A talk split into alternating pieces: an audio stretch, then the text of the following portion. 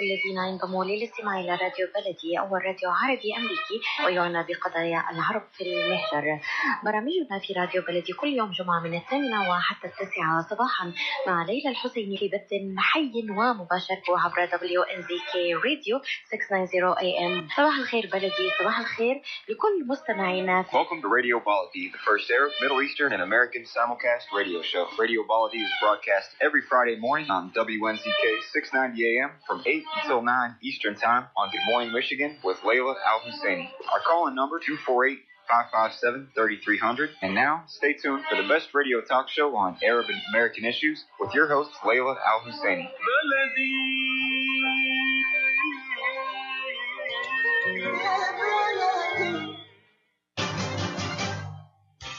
This is Dr. Sahar Khamis. Join me on the third Friday of each month at 8 a.m. Eastern Standard Time.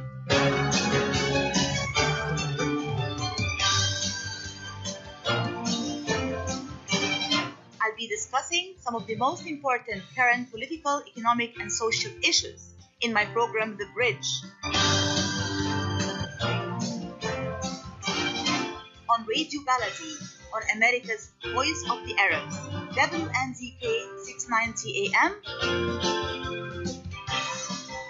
and WDMV 700 AM.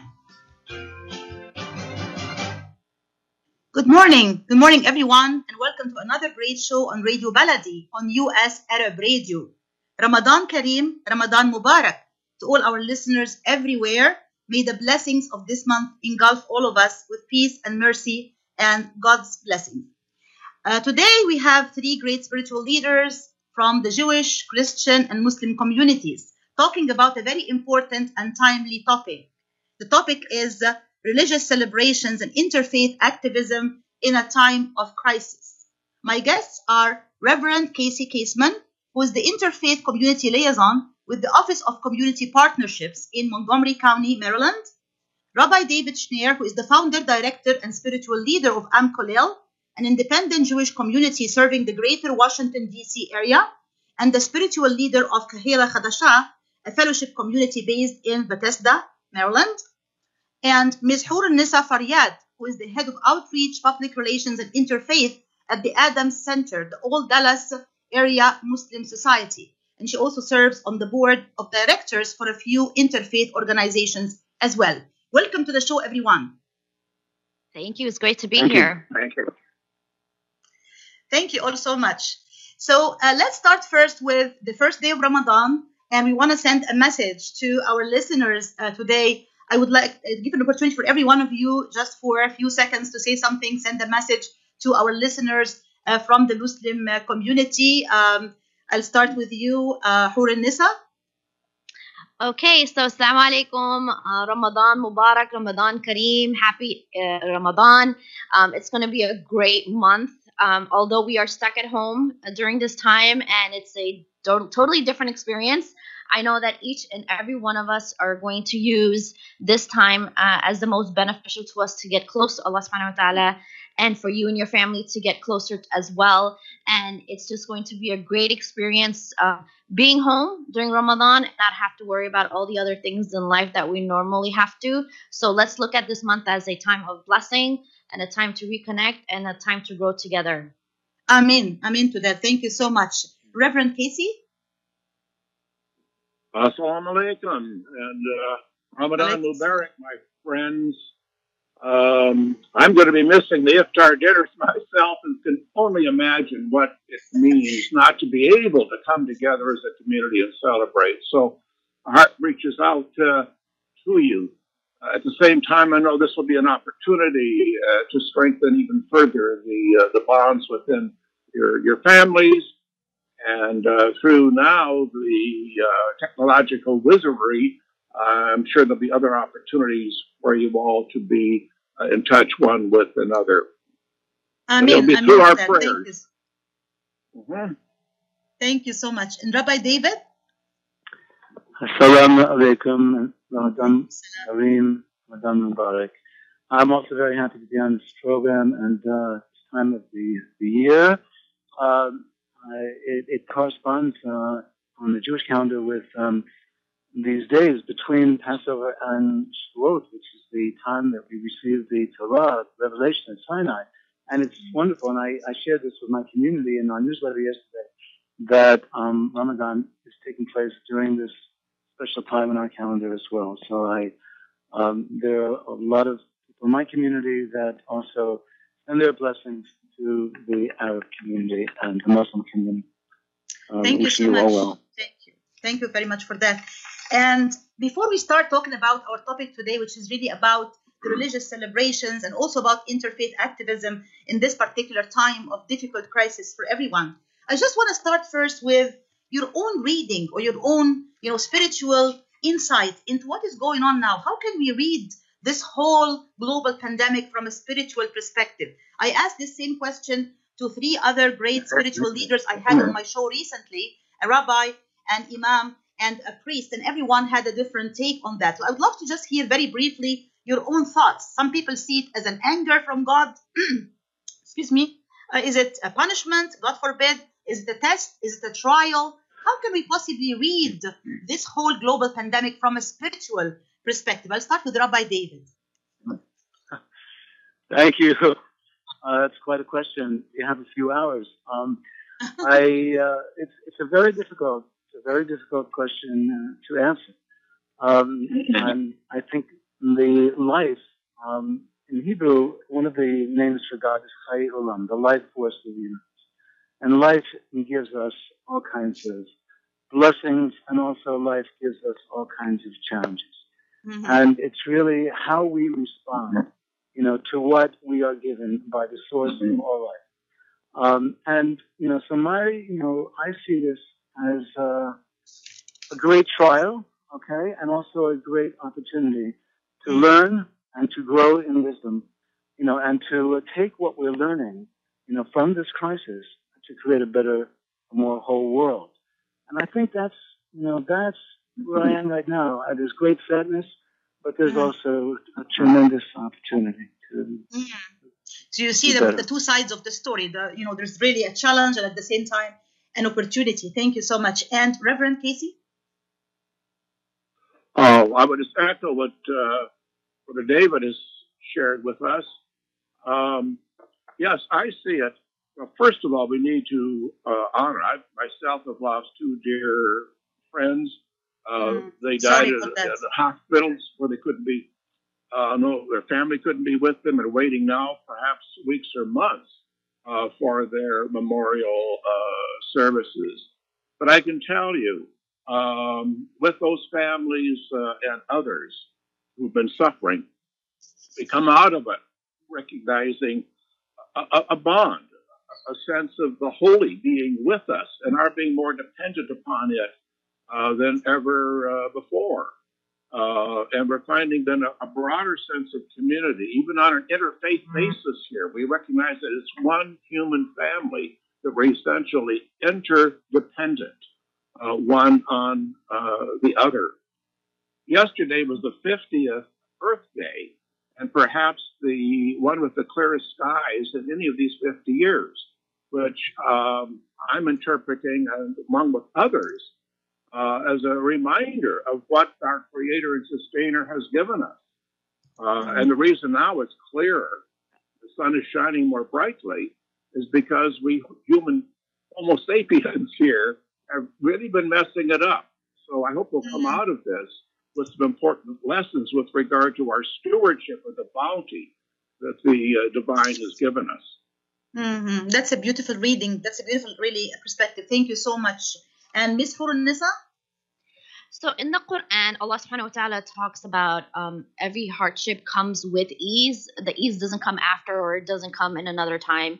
Um, but it is definitely something something to think about in this time that although we're going through this hardship, there are people being infected, there are people who are dying, but at the same time, it has allowed us to slow down, to slow down in so many different aspects of our life with our family members, with work, with all these different um, aspects of our life that was always um, inundating us with so many fast tracking lifestyles that we had where we're always on the move but now we're slowed down we're actually you know realizing our relationship with God. What does that mean? We're praying more with our family. We're staying home. We're cooking at home.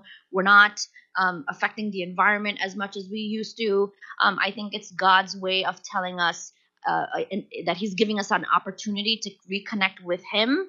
And reconnecting with Him has also allowed us to reconnect with everyone else around us as well. Mm, that's a beautiful reading as well. So I really uh, you know, lean towards the idea that it is not a punishment, it is not an anger from God, rather it is a message and it is indeed uh, a form of also trial or test, like any other test that we can face in life. Some people succeed in the test, some people unfortunately don't succeed in the test, but uh, you know we have to get the highest possible grades by patience and perseverance, and also by connection to uh, to others and to humanity uh, at large. Absolutely. Uh, yes, thank you all so much for this great insight. So uh, we'll take a commercial break here and we'll be back in a few minutes and stay tuned. Kashat's Mediterranean Market and Shish Kebab offers a great array of your favorite Mediterranean meals. Meals range from lamb specialties, shawarma sandwiches, seafood dinners, and they offer special big trays of your favorite food, plus much more. Kashat's Mediterranean Market and Shish Kebab address is 32839 Northwestern Highway in Farmington Hills. Their phone number is 248 538 9552. That number again is 248 538 9552, and the supermarket is open from 8 a.m. to 9 p.m. Kashat's Mediterranean Market and Shish Kebab will definitely leave you satisfied. Life is a nonprofit charity that's provided humanitarian aid and development to people and communities for over 25 years, regardless of race, color, religion, or cultural background. When disaster occurs here or around the world, Life for Relief and Development rushes in to provide food, medical aid, and shelter to those in need. Please help improve these efforts. Make your tax deductible donation to Life now at lifeusa.org or call 248 424 7493. تتمنى شركة زياد لك ولعائلتك الصحة والسلامة دائما تأكدوا بأننا نتوخى أقصى إجراءات السلامة لنعمل على تلبية جميع احتياجاتكم من منتجات زياد المفضلة لكم تتمنى عائلتنا أن تبقوا أقوياء متمتعين بالصحة والعافية زياد من عائلتنا إلى عائلتكم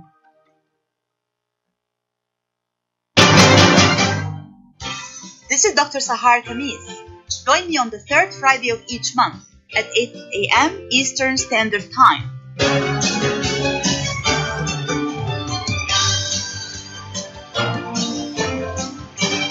I'll be discussing some of the most important current political, economic, and social issues in my program, The Bridge.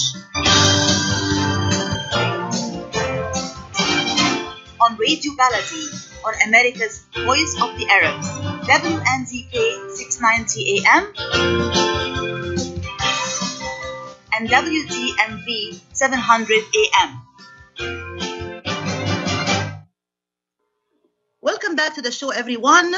This is your host, Dr. Sahar Khamis. Ramadan Mubarak to everyone. And I have with me three great spiritual leaders today talking about a very important topic, which is religious celebrations and interfaith activism in a time of crisis.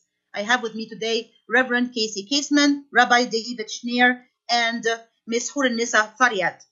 So we did talk about the message for Ramadan. We did talk about the meaning of this time of uh, testing or trial for all of us. And now let's move to the most important point on everybody's mind now, which is really our religious holidays and religious celebrations. I just participated recently in an excellent uh, Zoom session with JIDS, Jewish Islamic Dialogue Society, one of the interfaith groups I'm involved in. And the title was Between Passover and Ramadan. So the Jewish community just celebrated Passover, the Christian community celebrated Easter, and now the Muslim community is celebrating Ramadan. So I'll give every one of you an opportunity to talk about how the celebration this year is different because of this whole situation. I'll start with you, Reverend Casey.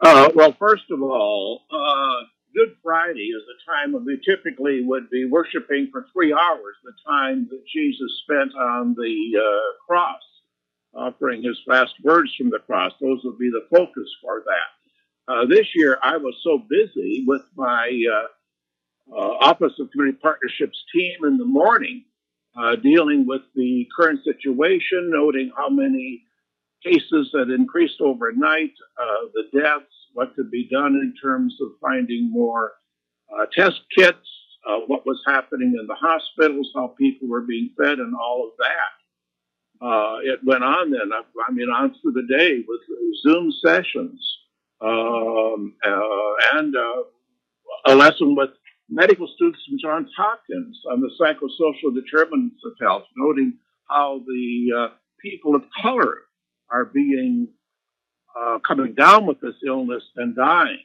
at a mm. rate that again should alarm and concern us all. Uh, so I didn't worship as such in any formal way on Good Friday, but I had the experience of Good Friday, unlike any other Good Friday that I can remember in my life. So that prepared me then for Easter. And it began virtually, of course, uh, with a uh, litany of different people uh, talking about uh, their own experience with Good Friday. Uh, and um, that led on, and of course, they were picking up on where the police are doing for us, the food providers, the volunteers, uh, and all of that. And then they had creatively put together uh, children from the congregation uh, singing all in their own homes but it came off in a beautiful uh, way of Hallelujah, Hallelujah, Hallelujah. Mm-hmm. Um, and then the central message of the day dealt with the presence of the Holy, uh, where we're all experiencing uh, the physical distance and sharing in the suffering of those who've died within our congregation. Uh, we could lift up then what it meant for us to be one spiritually and that the promise of Easter is basically one uh, that the power of love is far greater than all forms of loveless power, including death. Mm. And so we were affirming the holy uh, and the promise of a new life in the presence of this crisis, in the presence of uh, even death. Mm, this is very beautiful. I really like it. And there is very clearly a link here between the change in the meaning of the religious celebration and also the interconnection with your own work in uh, in interfaith activism and community activism, which is really the topic we're going to be dealing with uh, for the rest of this uh, conversation. Rabbi David? Yes, hi. Um, yeah, this uh, Passover definitely different um, and um, than other Passovers. Mm-hmm. Uh, I, I there's, there's a custom during the Passover Seder. This is the first um, evening of, of Passover. Uh, we have a special meal, and uh, it includes the story of the liberation of bondage from Egypt. And there are two times during the um, during the Seder when we open the door. At the beginning of the Seder, we open the door and we say Halach Anya. We say, "This is the bread of affliction. Let all those who are hungry come mm-hmm. and eat." Um, so traditionally, we would open the door and call out, you know, into the to the streets, into the community, all those who are hungry come and eat. This year, uh, we couldn't exactly do that. You know, we couldn't actually invite people into our homes because of the restrictions. Well, this caused us to have a discussion about what are we really doing about hunger. You know, mm-hmm. as we see, you know, there's an increasing issue with getting food to people um, in this country. So we had this amazing conversation about well, how do we really take care of the needs of those who are hungry. And the other time during the Seder when we opened the doors, towards the end of the Seder, when we opened the door to welcome in uh, Eliyahu Hanavi, the Elijah the prophet, the spirit of Elijah the prophet, um, and um, welcome in that age of, of, of justice and, and peace for all of humanity. Well, this year also, what does that mean? We couldn't exactly, you know, open open the door of our houses, you know, uh, in, in the same sense. You know, it, it, it caused a little uh, consternation. So, so, but what we talked about was how do we open our hearts? Mm. How do we open the doors of our hearts to create a world of justice, of compassion, uh, and of peace for all humanity and also for this earth. so that's one way the this this virus has impacted our Seder. We've been Zooming. We had 20 members of our family from all over the country for the first time, my wife's side, my side, uh, on, on first time for a Seder. It was, it was, it was wonderful. Um, Mhm. The second night, we had a Seder for those members of our community who didn't have, uh, weren't able to have a, someone lead a Seder for them at home, a number of, uh, single, uh, people, um, and, you know, who just couldn't, uh, do it on their own. So they came to the second night Seder, uh, about 20, 30, um, members of, uh, of my community and some of their friends, and we had a very, very meaningful Seder. So the holiday, you know, in that sense, has taken on deeper, deeper meaning. Um, and I could go on. We're we're entering this Yes. period now, uh, you know. But uh, but I I think I'll hold this for for now and share with you. Which is, there's an opportunity uh, more a little bit later because amazing things Thank are you so much. Thank you so much. And Miss Hur Nisa, starting Okay, so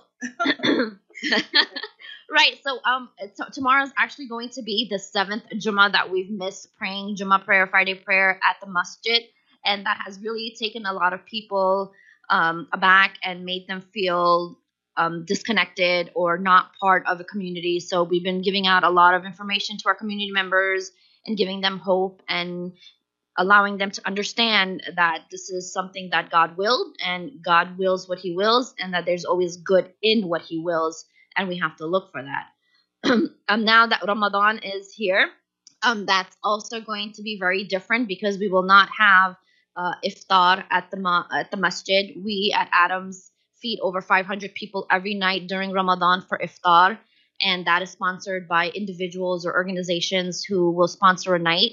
And so that's not going to happen at the masjid, but we will be distributing food to those who are in need and who have uh, food insecurities and who have been part of our programs for a very long time. So we're making sure that they're being fed their iftar and their suhoor, which is the morning uh, food as well, so that they have this time to spend with their family, but they're not worried about actually having food on the table when it comes time to break the fast or to start the fast.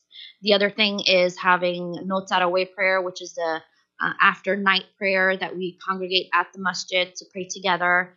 And we are always packed at Adams. We have childcare, we have people running all over, we have the youth program at the same time, and then we have the adults who are praying together in the main sanctuary and then also in the overflow in, in the gym. Excuse me. And so the, all of that is going to stop now. Everything is coming from home.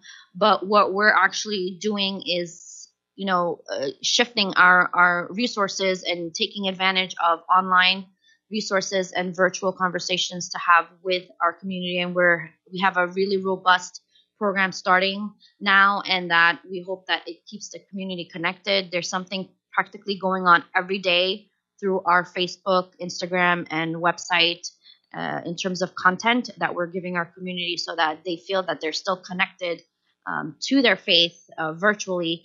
But, you know, uh, I want to point out that the essence of Ramadan doesn't stop just because we're not at the masjid. Ramadan is still come. It's here. It's gonna come. It's still gonna happen. We still have to fast. We still have to pray. We still have to connect to those around us. And although our connections to the community will be very different, it's still going to happen in a very different way. And I'm really glad that we're given this opportunity to actually find different ways of reaching those who really don't have a voice or those who have kind of been lost in life for so many years. And now we're actually paying attention to them. Absolutely, amen to that. Thank you all so much for this great insight. We'll come back to this excellent conversation right after this commercial break. Stay tuned, please. When it comes to reproductive medicine, IVF Michigan Fertility Centers are the recognized leaders. With locations in Bloomfield Hills and five other cities in Michigan and Ohio, IVF has experts in all aspects of the field. As a founding member of IVF Michigan Fertility Centers, Dr. Nicholas Shama is one of the leading reproductive endocrinologists in Michigan and Ohio. Dr. Shama has performed over 10,000 IVF cases and has helped thousands of couples fulfill their dreams of parenthood. American board certified in both obstetrics and gynecology and reproductive reproductive endocrinology and infertility, Dr. Nicholas Shama is a very caring, compassionate, expert physician that understands not only the medical but also the emotional toil of infertility on his patients. When it's time, get personalized care from Dr. Nicholas Shama at IVF Michigan Fertility Centers in Michigan and Ohio. Call toll free 855 952 9600. 855 952 9600. Are you going to start a restaurant or a grocery store soon? Do you need floor plans and designs? Call Najee Abood at 734 744 9796. Do you want to buy kitchen and restaurant equipment at discount prices? Call Najee Abood now, 734 744 9796. New Concept Products and Design, the trademark of kitchen equipment. 5% discount on all purchases of $75,000 or more. New Concept Products and Design, new location, 31 185 Schoolcraft in Livonia. Learn more at www.newconceptproducts.com. Call Najee Abood 734 744 9796. When you're looking for the best in optical care, Dr. Imad Nakash is your doctor to see. With years of experience and thousands of successful procedures performed, you can trust your eyes to Dr. Imad Nakash. See Dr. Imad Nakash and his professional staff for your eye care needs. There's two locations to serve you. In Hazel Park, call 248 336 3937. 248 336 3937. In Rochester Hills, call 248 299 3937. That's 248 299 3937. This is Dr. Sahar Khamis. Join me on the third Friday of each month at 8 a.m. Eastern Standard Time.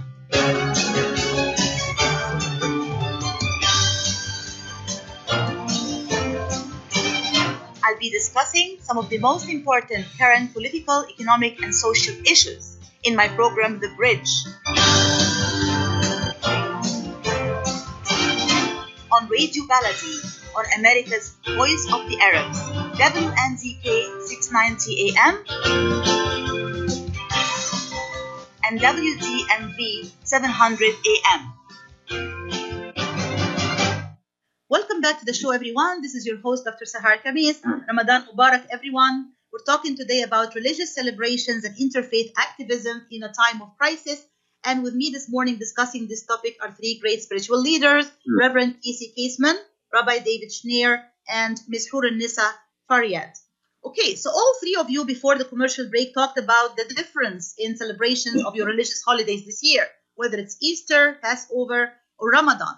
Of course, a lot of that is happening now through social media platforms, right? Like Zoom and and uh, uh, sometimes Skype and all of that. As a communication professor, I cannot help but ask the question: What could be, in your opinion, some of the pros and cons of using this particular platform? Like, for example, using Zoom or online communication.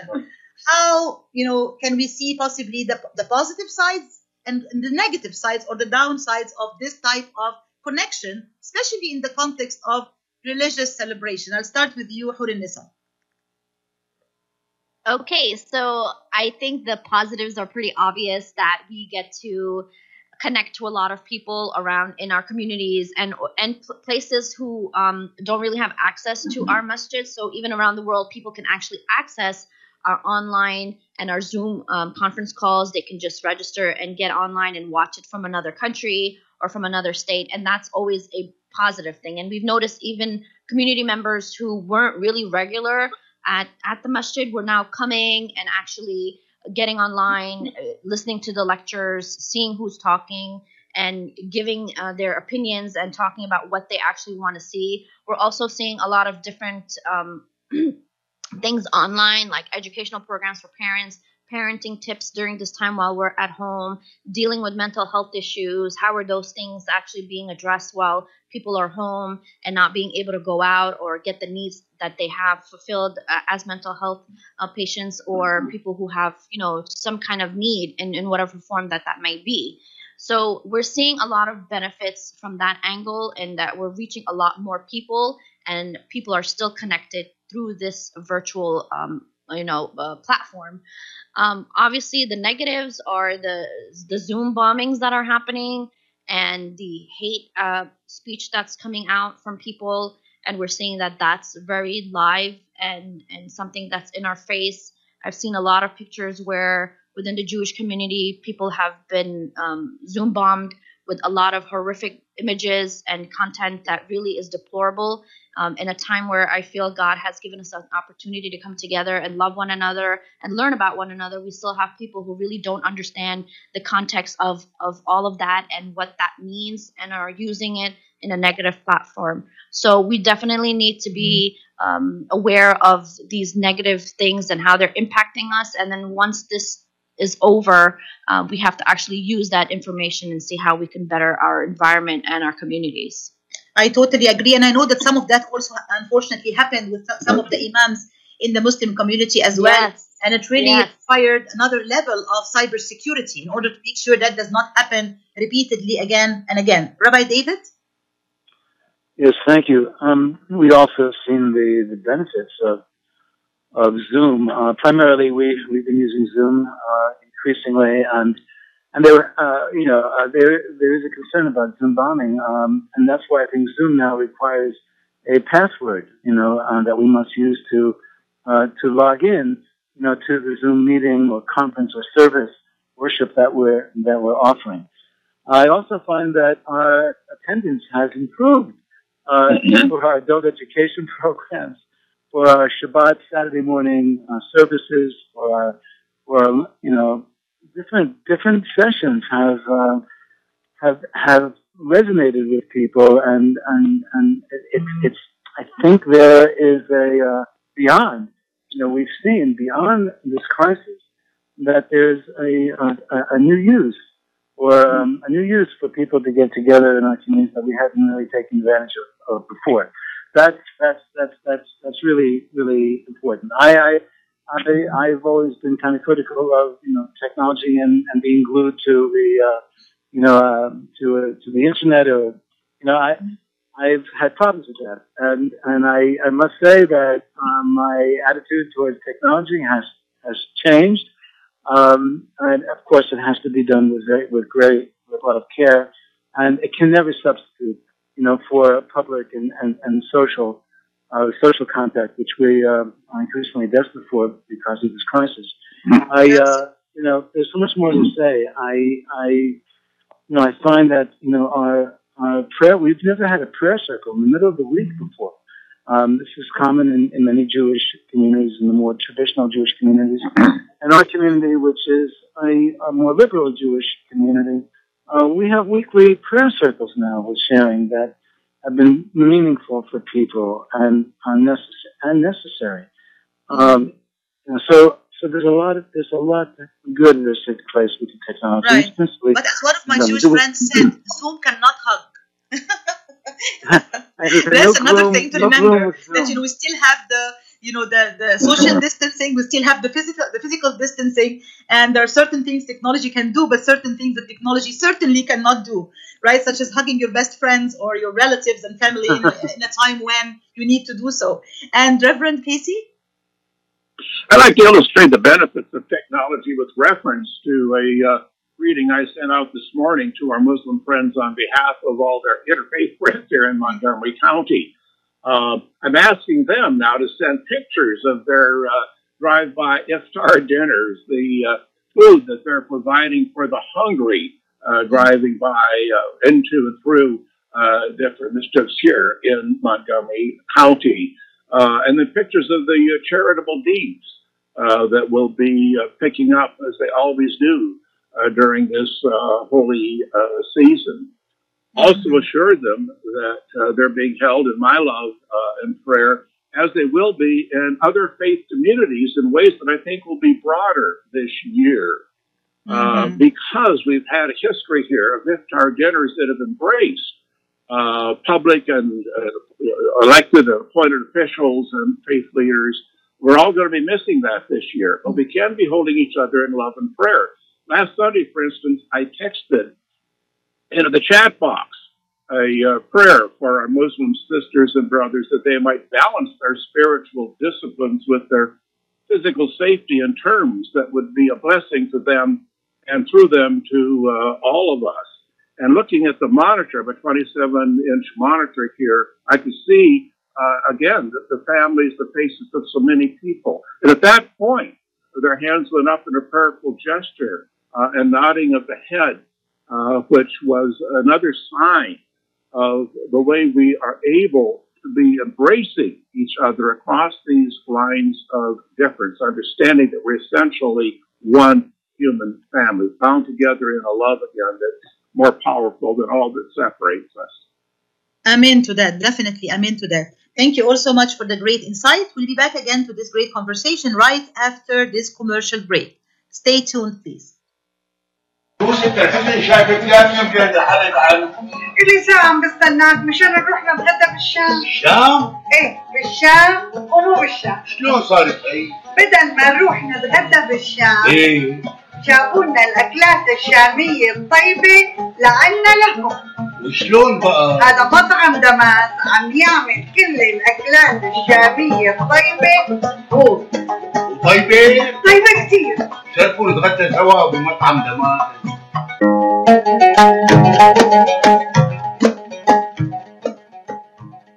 الأكل الشامي الأصيل فقط بدمس كوزين زوروهم على 28841 أرشد لك بفارمينغتون هيلز.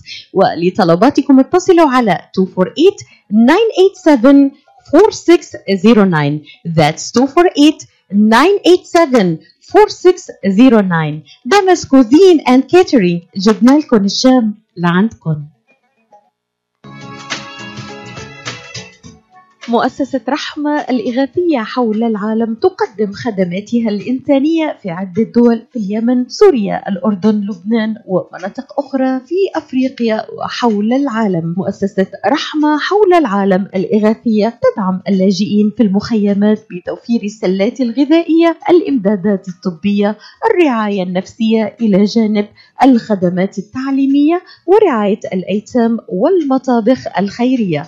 جميع تبرعاتكم معفاة من الضرائب وتساهم في حياة أفضل للمحتاجين للتواصل مع مؤسسة رحمة حول العالم. يرجى الاتصال على الرقم 248-990-4247 That's 248-990-4247 أو بإمكانكم زيارة الموقع الإلكتروني على رحمريليف.org مركز طب رهاب للعلاج الطبيعي بإدارة الدكتور محمد فرح حسين. أخصائي العلاج الطبيعي بخبرة أكثر من 13 عاما. طب رهاب يقدم خدمات العلاج الطبيعي وإعادة التأهيل ويضم مجموعة من أفضل أخصائي التشخيص الدقيق للحالات المرضية مع خبرة عالية في التعامل مع الحالات التي تحتاج إلى إعادة تأهيل وعناية خاصة بعد العمليات والكسور. طب رهاب يستقبل كل الحالات المتعلقة بألم الرقبة، الظهر، المفاصل، شلل الوجه، الانزلاق الغضروفي، عرق النساء، الحوادث وإصابات العمل، خبيرات في المعالجة النسائية لخصوصيات تامة للسيدات. عندما تبحثون عن رعاية متميزة اقصدوا توب ريهاب للعلاج الطبيعي. الواقع على 15001 ميشيغان افنيو وللمواعيد اتصلوا على 313 846 0555 that is 846 0555 مرحبا سعيد. أهلا علا. ليش هالمقابلة الفاترة هي؟ بيقول المثل لاقيني ولا تغديني. يما زعلتي. شنو رأيك؟ إذا لقيتك وأيضا غديتك بأحسن مطاعم ميشيغان مطعم عشتار والله فكرة. أفضل الأطباق والمقبلات العربية والعراقية وأحلى ملقا ولا تنسين اللحوم الطازجة مباشرة من ملحمة عشتار لزباين عشتار. وملحمة عشتار توفر اختيارات متنوعة من كافة أنواع اللحوم وبأسعار متميزة وجودة أيضا مميزة. ملحمة عشتار تقع على 36865 راين رود في مدينة ستيرلينغ هايت وأكيد أحلى لمة وأطيب لقمة في مطعم عشتار اللي عنوانه 3625 15 مايل رود في مدينة ستيرلينغ هايت. هاتف 586-698-2585 586-698-2585 يلا علا! يلا عشتار للجودة وكرم الضيافة عنوان. مطعم عشتار. تتمنى شركة زياد لك ولعائلتك الصحة والسلامة دائما. تأكدوا بأننا نتوخى أقصى إجراءات السلامة لنعمل على تلبية جميع احتياجاتكم من منتجات زياد المفضلة لكم. تتمنى عائلتنا أن تبقوا أقوياء متمتعين بالصحة والعافية. زياد من عائلتنا إلى عائلتكم. This is Dr. Sahar Khamis. Join me on the third Friday of each month at 8 a.m. Eastern Standard Time.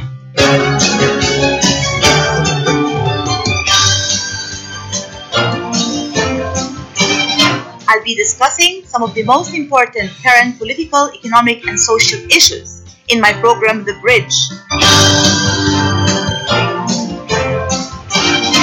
On Radio Baladi, on America's Voice of the Arabs, WNZK 690 AM and WDMV 700 AM. Welcome back to the show, everyone. This is your host, Dr. Sahar Khamis. Ramadan Mubarak, Ramadan Kareem. And we're discussing today a very timely topic religious celebrations and interfaith activism in a time of crisis. And my guests are Reverend Casey Caseman, Rabbi David Shneyer, and Miss Hurunnessa. Okay, so we talked about the meaning of the crisis from a spiritual perspective. We talked about uh, also the uh, celebrations uh, this year and how they're different, and also some of the pros and cons of technology and using social media to connect with our you know, personal and professional and religious communities. Now, the second part of our discussion is really about activism, and I know the three of you have had a lot of activities. Really, uh, many of them will take more than the remaining time in this program, but I want to highlight a few points that really caught my attention. Uh, Rabbi David, you have been uh, really one of the founders of, uh, you know, um, the Jews United for Justice, and you're also active uh, in different groups like Rabbis for Human Rights and other social justice organizations. I would love to hear from you about the importance of quote unquote social justice from a spiritual, from a religious perspective, especially in the midst of this crisis. Well, yes, uh, thank you. Um, yeah, social justice, um, uh, the struggle against injustice is at the heart of, of Judaism, as as I think it is other religions. Uh, certainly at the heart of Judaism and um, human rights. Uh, actually, it's called Teruah, which is the sound of the shofar. Uh, it's the rabbinic call to human rights. Um, is very engaged in in in, in doing something about um, well, one immigrant issues, you know, that uh, is prominent in our society and the injustices related to um, those who are um, those who are immigrants. Uh, it's we're concerned about the workers, farm workers in uh, Florida, uh, all over the country. We have a serious problem with migrant workers, farm workers, you know, and um, and so rabbis, uh, the rabbis, and so over 2,000 rabbis, remember the organization called Teruah, you know, are focused on on bringing attention to this to this this crisis, which is even which has always been a crisis, and and um, but even worse now because of the of the of the contagion of this uh, of this virus. That's one thing. Locally, um, our, my communities are, are engaged in uh, reaching out more to um, organizations that are in need. We've um, in my fellowship community, we've uh, designated several thousand dollars, five thousand dollars or more, uh, to different food um, food pantries in the area. At our retreat center, we have a very large garden, and we expanded it this year to raise uh, uh, more vegetables for a couple of shelters that we that we uh, provide for. Um, we are also uh, we we've offered and I haven't heard yet back from the county. We've offered the use of our retreat center, which is empty, you know, for for those who are experiencing domestic abuse and violence. You know, um, it's it's it's known that their lives are, are are much more difficult now and so we're offering a retreat center, which is empty, you know, for those families that are in need to be in a different, in a safe place. So these Mm. kinds of things. With the environmental community, we're also engaged, um, you know, with interfaith uh, partners for the Chesapeake and also um, Interfaith Power and Light, you know, which also is focused on I'm learning something from this crisis. You know, uh, and, and, and Reverend Casey, you know, mentioned something about this before. I mean, our climate, you know, is feeling a little better. You know, the earth is feeling a little bit better because of our, um, of our seclusion, of our isolation, of our quarantine. We're not using, you know, gas. We're not using fossil fuels in the same way. Telecommuting has cut down tremendously on traffic, you know, and all these other examples. So, um, yeah, there's there's a, a tremendous opportunity for increased social activism and so the teachings of our, of our prophets. This is a Mhm, Correct. Absolutely. In all faith traditions, like not just looking after one another, but also looking after the environment and Mother Earth and, you know, decreasing the amount of pollution and damage we have been doing to the environment, I think is also part of this justice that we should all seek. And Reverend Casey, I know you had many years of work within the interfaith community, uh, really engaging in issues of activism and issues of social justice. If you can tell us, in the midst of this crisis in particular, you can highlight some of the most important efforts that you are engaged in as the interfaith community liaison with the Office of Community Partnerships, that would be great, please. Uh, uh, thank you. Uh, tomorrow we'll be uh, co-hosting our second uh, forum, virtual forum on Asian bias that will naturally be dealing with Islamophobia, anti-Semitism, uh, racism, and on from uh, there, uh, with county officials, uh, social justice advocates, and uh, faith leaders.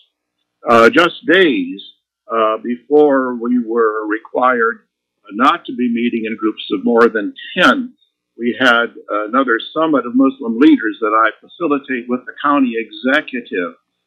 And coming out of that session, the primary concern is to do with police relations. And so uh, that's on the line for an upcoming uh, Zoom session uh, where uh, faith communities from throughout the county will be participating. Uh, another one will be dealing with the public school system.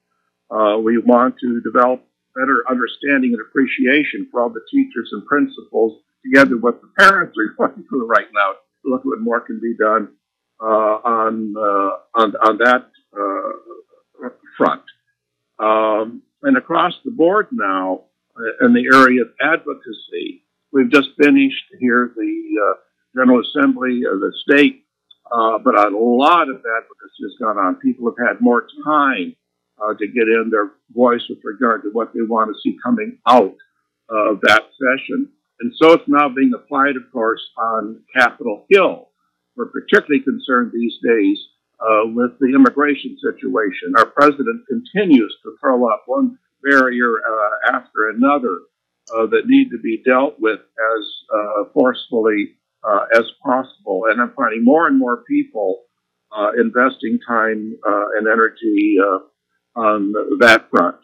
Um, of course, we're right now dealing with the nitty gritty issues of how to feed uh, a growing number of people. We already have provided hundreds of thousands of meals to people, but that cannot keep up with the need. And so people, as uh, Rabbi David has uh, already referenced, are uh, sending money. Others are creating masks and on and on uh, to see that our community is uh, well served. Thank you so much. That's really commendable. And, you know, send our thanks to everyone uh, in your group and interfaith community group and also the Office of Community Partnerships for this great work. And uh, Ms. Furanissa, you mentioned something about also uh, drive-by iftars and giving meals out to the needy. If you can give us a little bit of an idea of the work that Adams and other uh, Muslim organizations are doing in this sense of activism and outreach, and also helping with issues of, uh, you know, uh, need and social justice in this difficult time. Right. Um, one of the things that we focused on a lot throughout the years is food and making sure those who are um, in a state of food insecurity are being taken care of, whether they're living around the Adams area or the the homeless community in DC. We have packed and made uh, lunches uh, on many different occasions. Our community service department has gone out and delivered the food to the communities in DC with different organizations as well, and making sure that oh, as part of our faith, where, where it's required for us as Muslims to be, um, you know, resourceful with with our money and also making sure that we're giving our portion of our money to those who are in need because that is their right. That we are making sure that as a community we're giving opportunities to our community members to um, help us in that financially, and then we're the ones actually going out and going and feeding the people who need food. And now with Ramadan, especially with within our own communities with people who have uh, who are low income or who have uh, employment issues and now are getting laid off because of covid-19 who are home and, and, and can't buy food we're making sure that they're taken care of um, uh, every week our social service department um, gets a delivery of over a thousand pounds of food and we sort all of those out make packages for all of our clients and give out over four to five hundred packs of, of different item foods um, throughout our community members. So we're making sure that people are taken care of in, in, with their food insecurities and that they don't feel that they're being left out and the community is not looking out for them. I have to tell you that um, I have seen so many people with their graciousness come out during this time that I don't think you would have seen in another time. Mm-hmm. People are really taking this to heart and are actually expressing their own emotional connection to helping other people and that's such a big pillar in our in our faith that we have to help those who are in need because that's part of our faith and so hopefully this will ignite that fire in them and keep it going for a longer period of time and throughout their lives so that we can eradicate uh, food issues for people. I think if everybody just conserved food and didn't waste food, there would be no um, body going to sleep on, on an empty stomach. And so food has definitely been an issue on, on our plate, and we're making sure that mm-hmm. um, everybody around us is taken care of, and that if they have any food issues, that they can reach out to us, and that we'll make sure that they're taken care of in that sense. Absolutely. Thank you so much for that. We, we have only like five minutes left in the program, but I cannot end without mentioning something that uh, Ms. Nissa and Rabbi David have in common, which is music. So Rabbi David is uh, a music composer, and I know that you've been sometimes referenced as the singing rabbi. And uh-huh. I know that Hurunnessa you are the music director of America's first mosque mm-hmm. uh, youth choir, which is called Adam's Beat. So very quickly, in one to two minutes, I want to hear from each one of you as to the role of something as beautiful and powerful as music and art in the midst of this crisis. Hurunnessa? okay, so I actually am a trained vocalist. I went to a music major high school in New York City. That's where I grew up. And when I came to Virginia, I, I, really didn't use it because you know with our faith in people sometimes music is always an issue um, but i grew up in a musical household i did whatever i wanted in my house um, but one day, Matt Majid came up to me and said, Well, I heard you have a music background. And I really didn't know how to answer it because I was like, What's the right answer? Yes or no? Am I going to get in trouble for this? And so um, from there, that was, you know, over almost five years ago, we started, uh, he wanted a youth choir at Adams. And we're the only mosque and the first mosque to actually have a youth choir. Um, we started out with um, 20 kids. I have about 35 kids right now, boys and girls. And, you know, um, I thought we were just going to go around singing songs at Adams and Muslim events, but it actually turned out that 99.9% of our events are within the Jewish community and the Christian community and other organizations that actually um, partake more in this type of uh, events.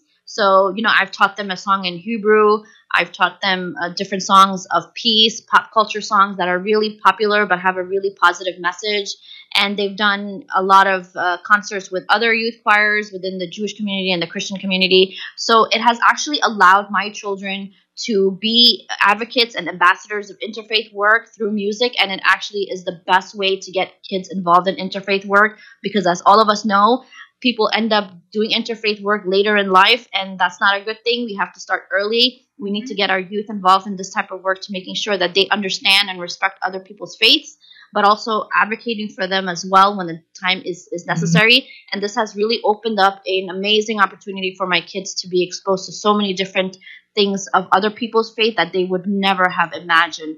I remember they sang a song at an event, and um, after it was at a Jewish uh, synagogue, and they sang the, Jew- the Hebrew song of peace. And afterwards, all it was a women's event, and all the women came up and said, "Wow, you know, you guys sang it so well." They hugged my kids, they cried to them, And that's an impression my kids are always going to have for the rest of their life. Beautiful. So it's a great experience. Right. We have two minutes left in the program. So, Rabbi David, in one minute, if you can, the power of music and Sure. singing, especially in this time. You'll have the last word here.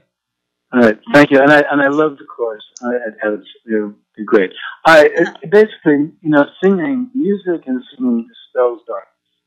That that is a teaching that is that's very ancient, um, and and I really believe that. I I see that you know in, in personally and also in practice of our community. We are a singing community. We love to sing, and singing dispels darkness. And um, just I encourage everyone to be part of something where you're where you're singing on online on Zoom. It's difficult, so I'm creating more antiphonal or call and response singing, where I chant and then everyone else then repeats or joins in, uh, and that seems to be working out a lot better because it's chaotic, you know, on Zoom. But singing dispels darkness. It chases away, you know, the it's called the sitra achra, you know, the the the dark side, the dark side. This That's is beautiful. I- Singing I dispels darkness. I love that. And on this very uplifting, I should say upbeat note, we're going to come to the end of our program today. And I have to thank all our listeners and also thank all our distinguished guests, not just for being my guests today, but also for all the great work that you're doing in order to dispel darkness and to overcome it with love and empathy and compassion in your own communities and within the interfaith community. Thank you all so much. Thank you. Thank you for having us. Thank you all so much. And thanks so much to all our listeners everywhere. Have a great and blessed day, blessed month, blessed year, and blessed Ramadan. Thank you for being with us, and goodbye.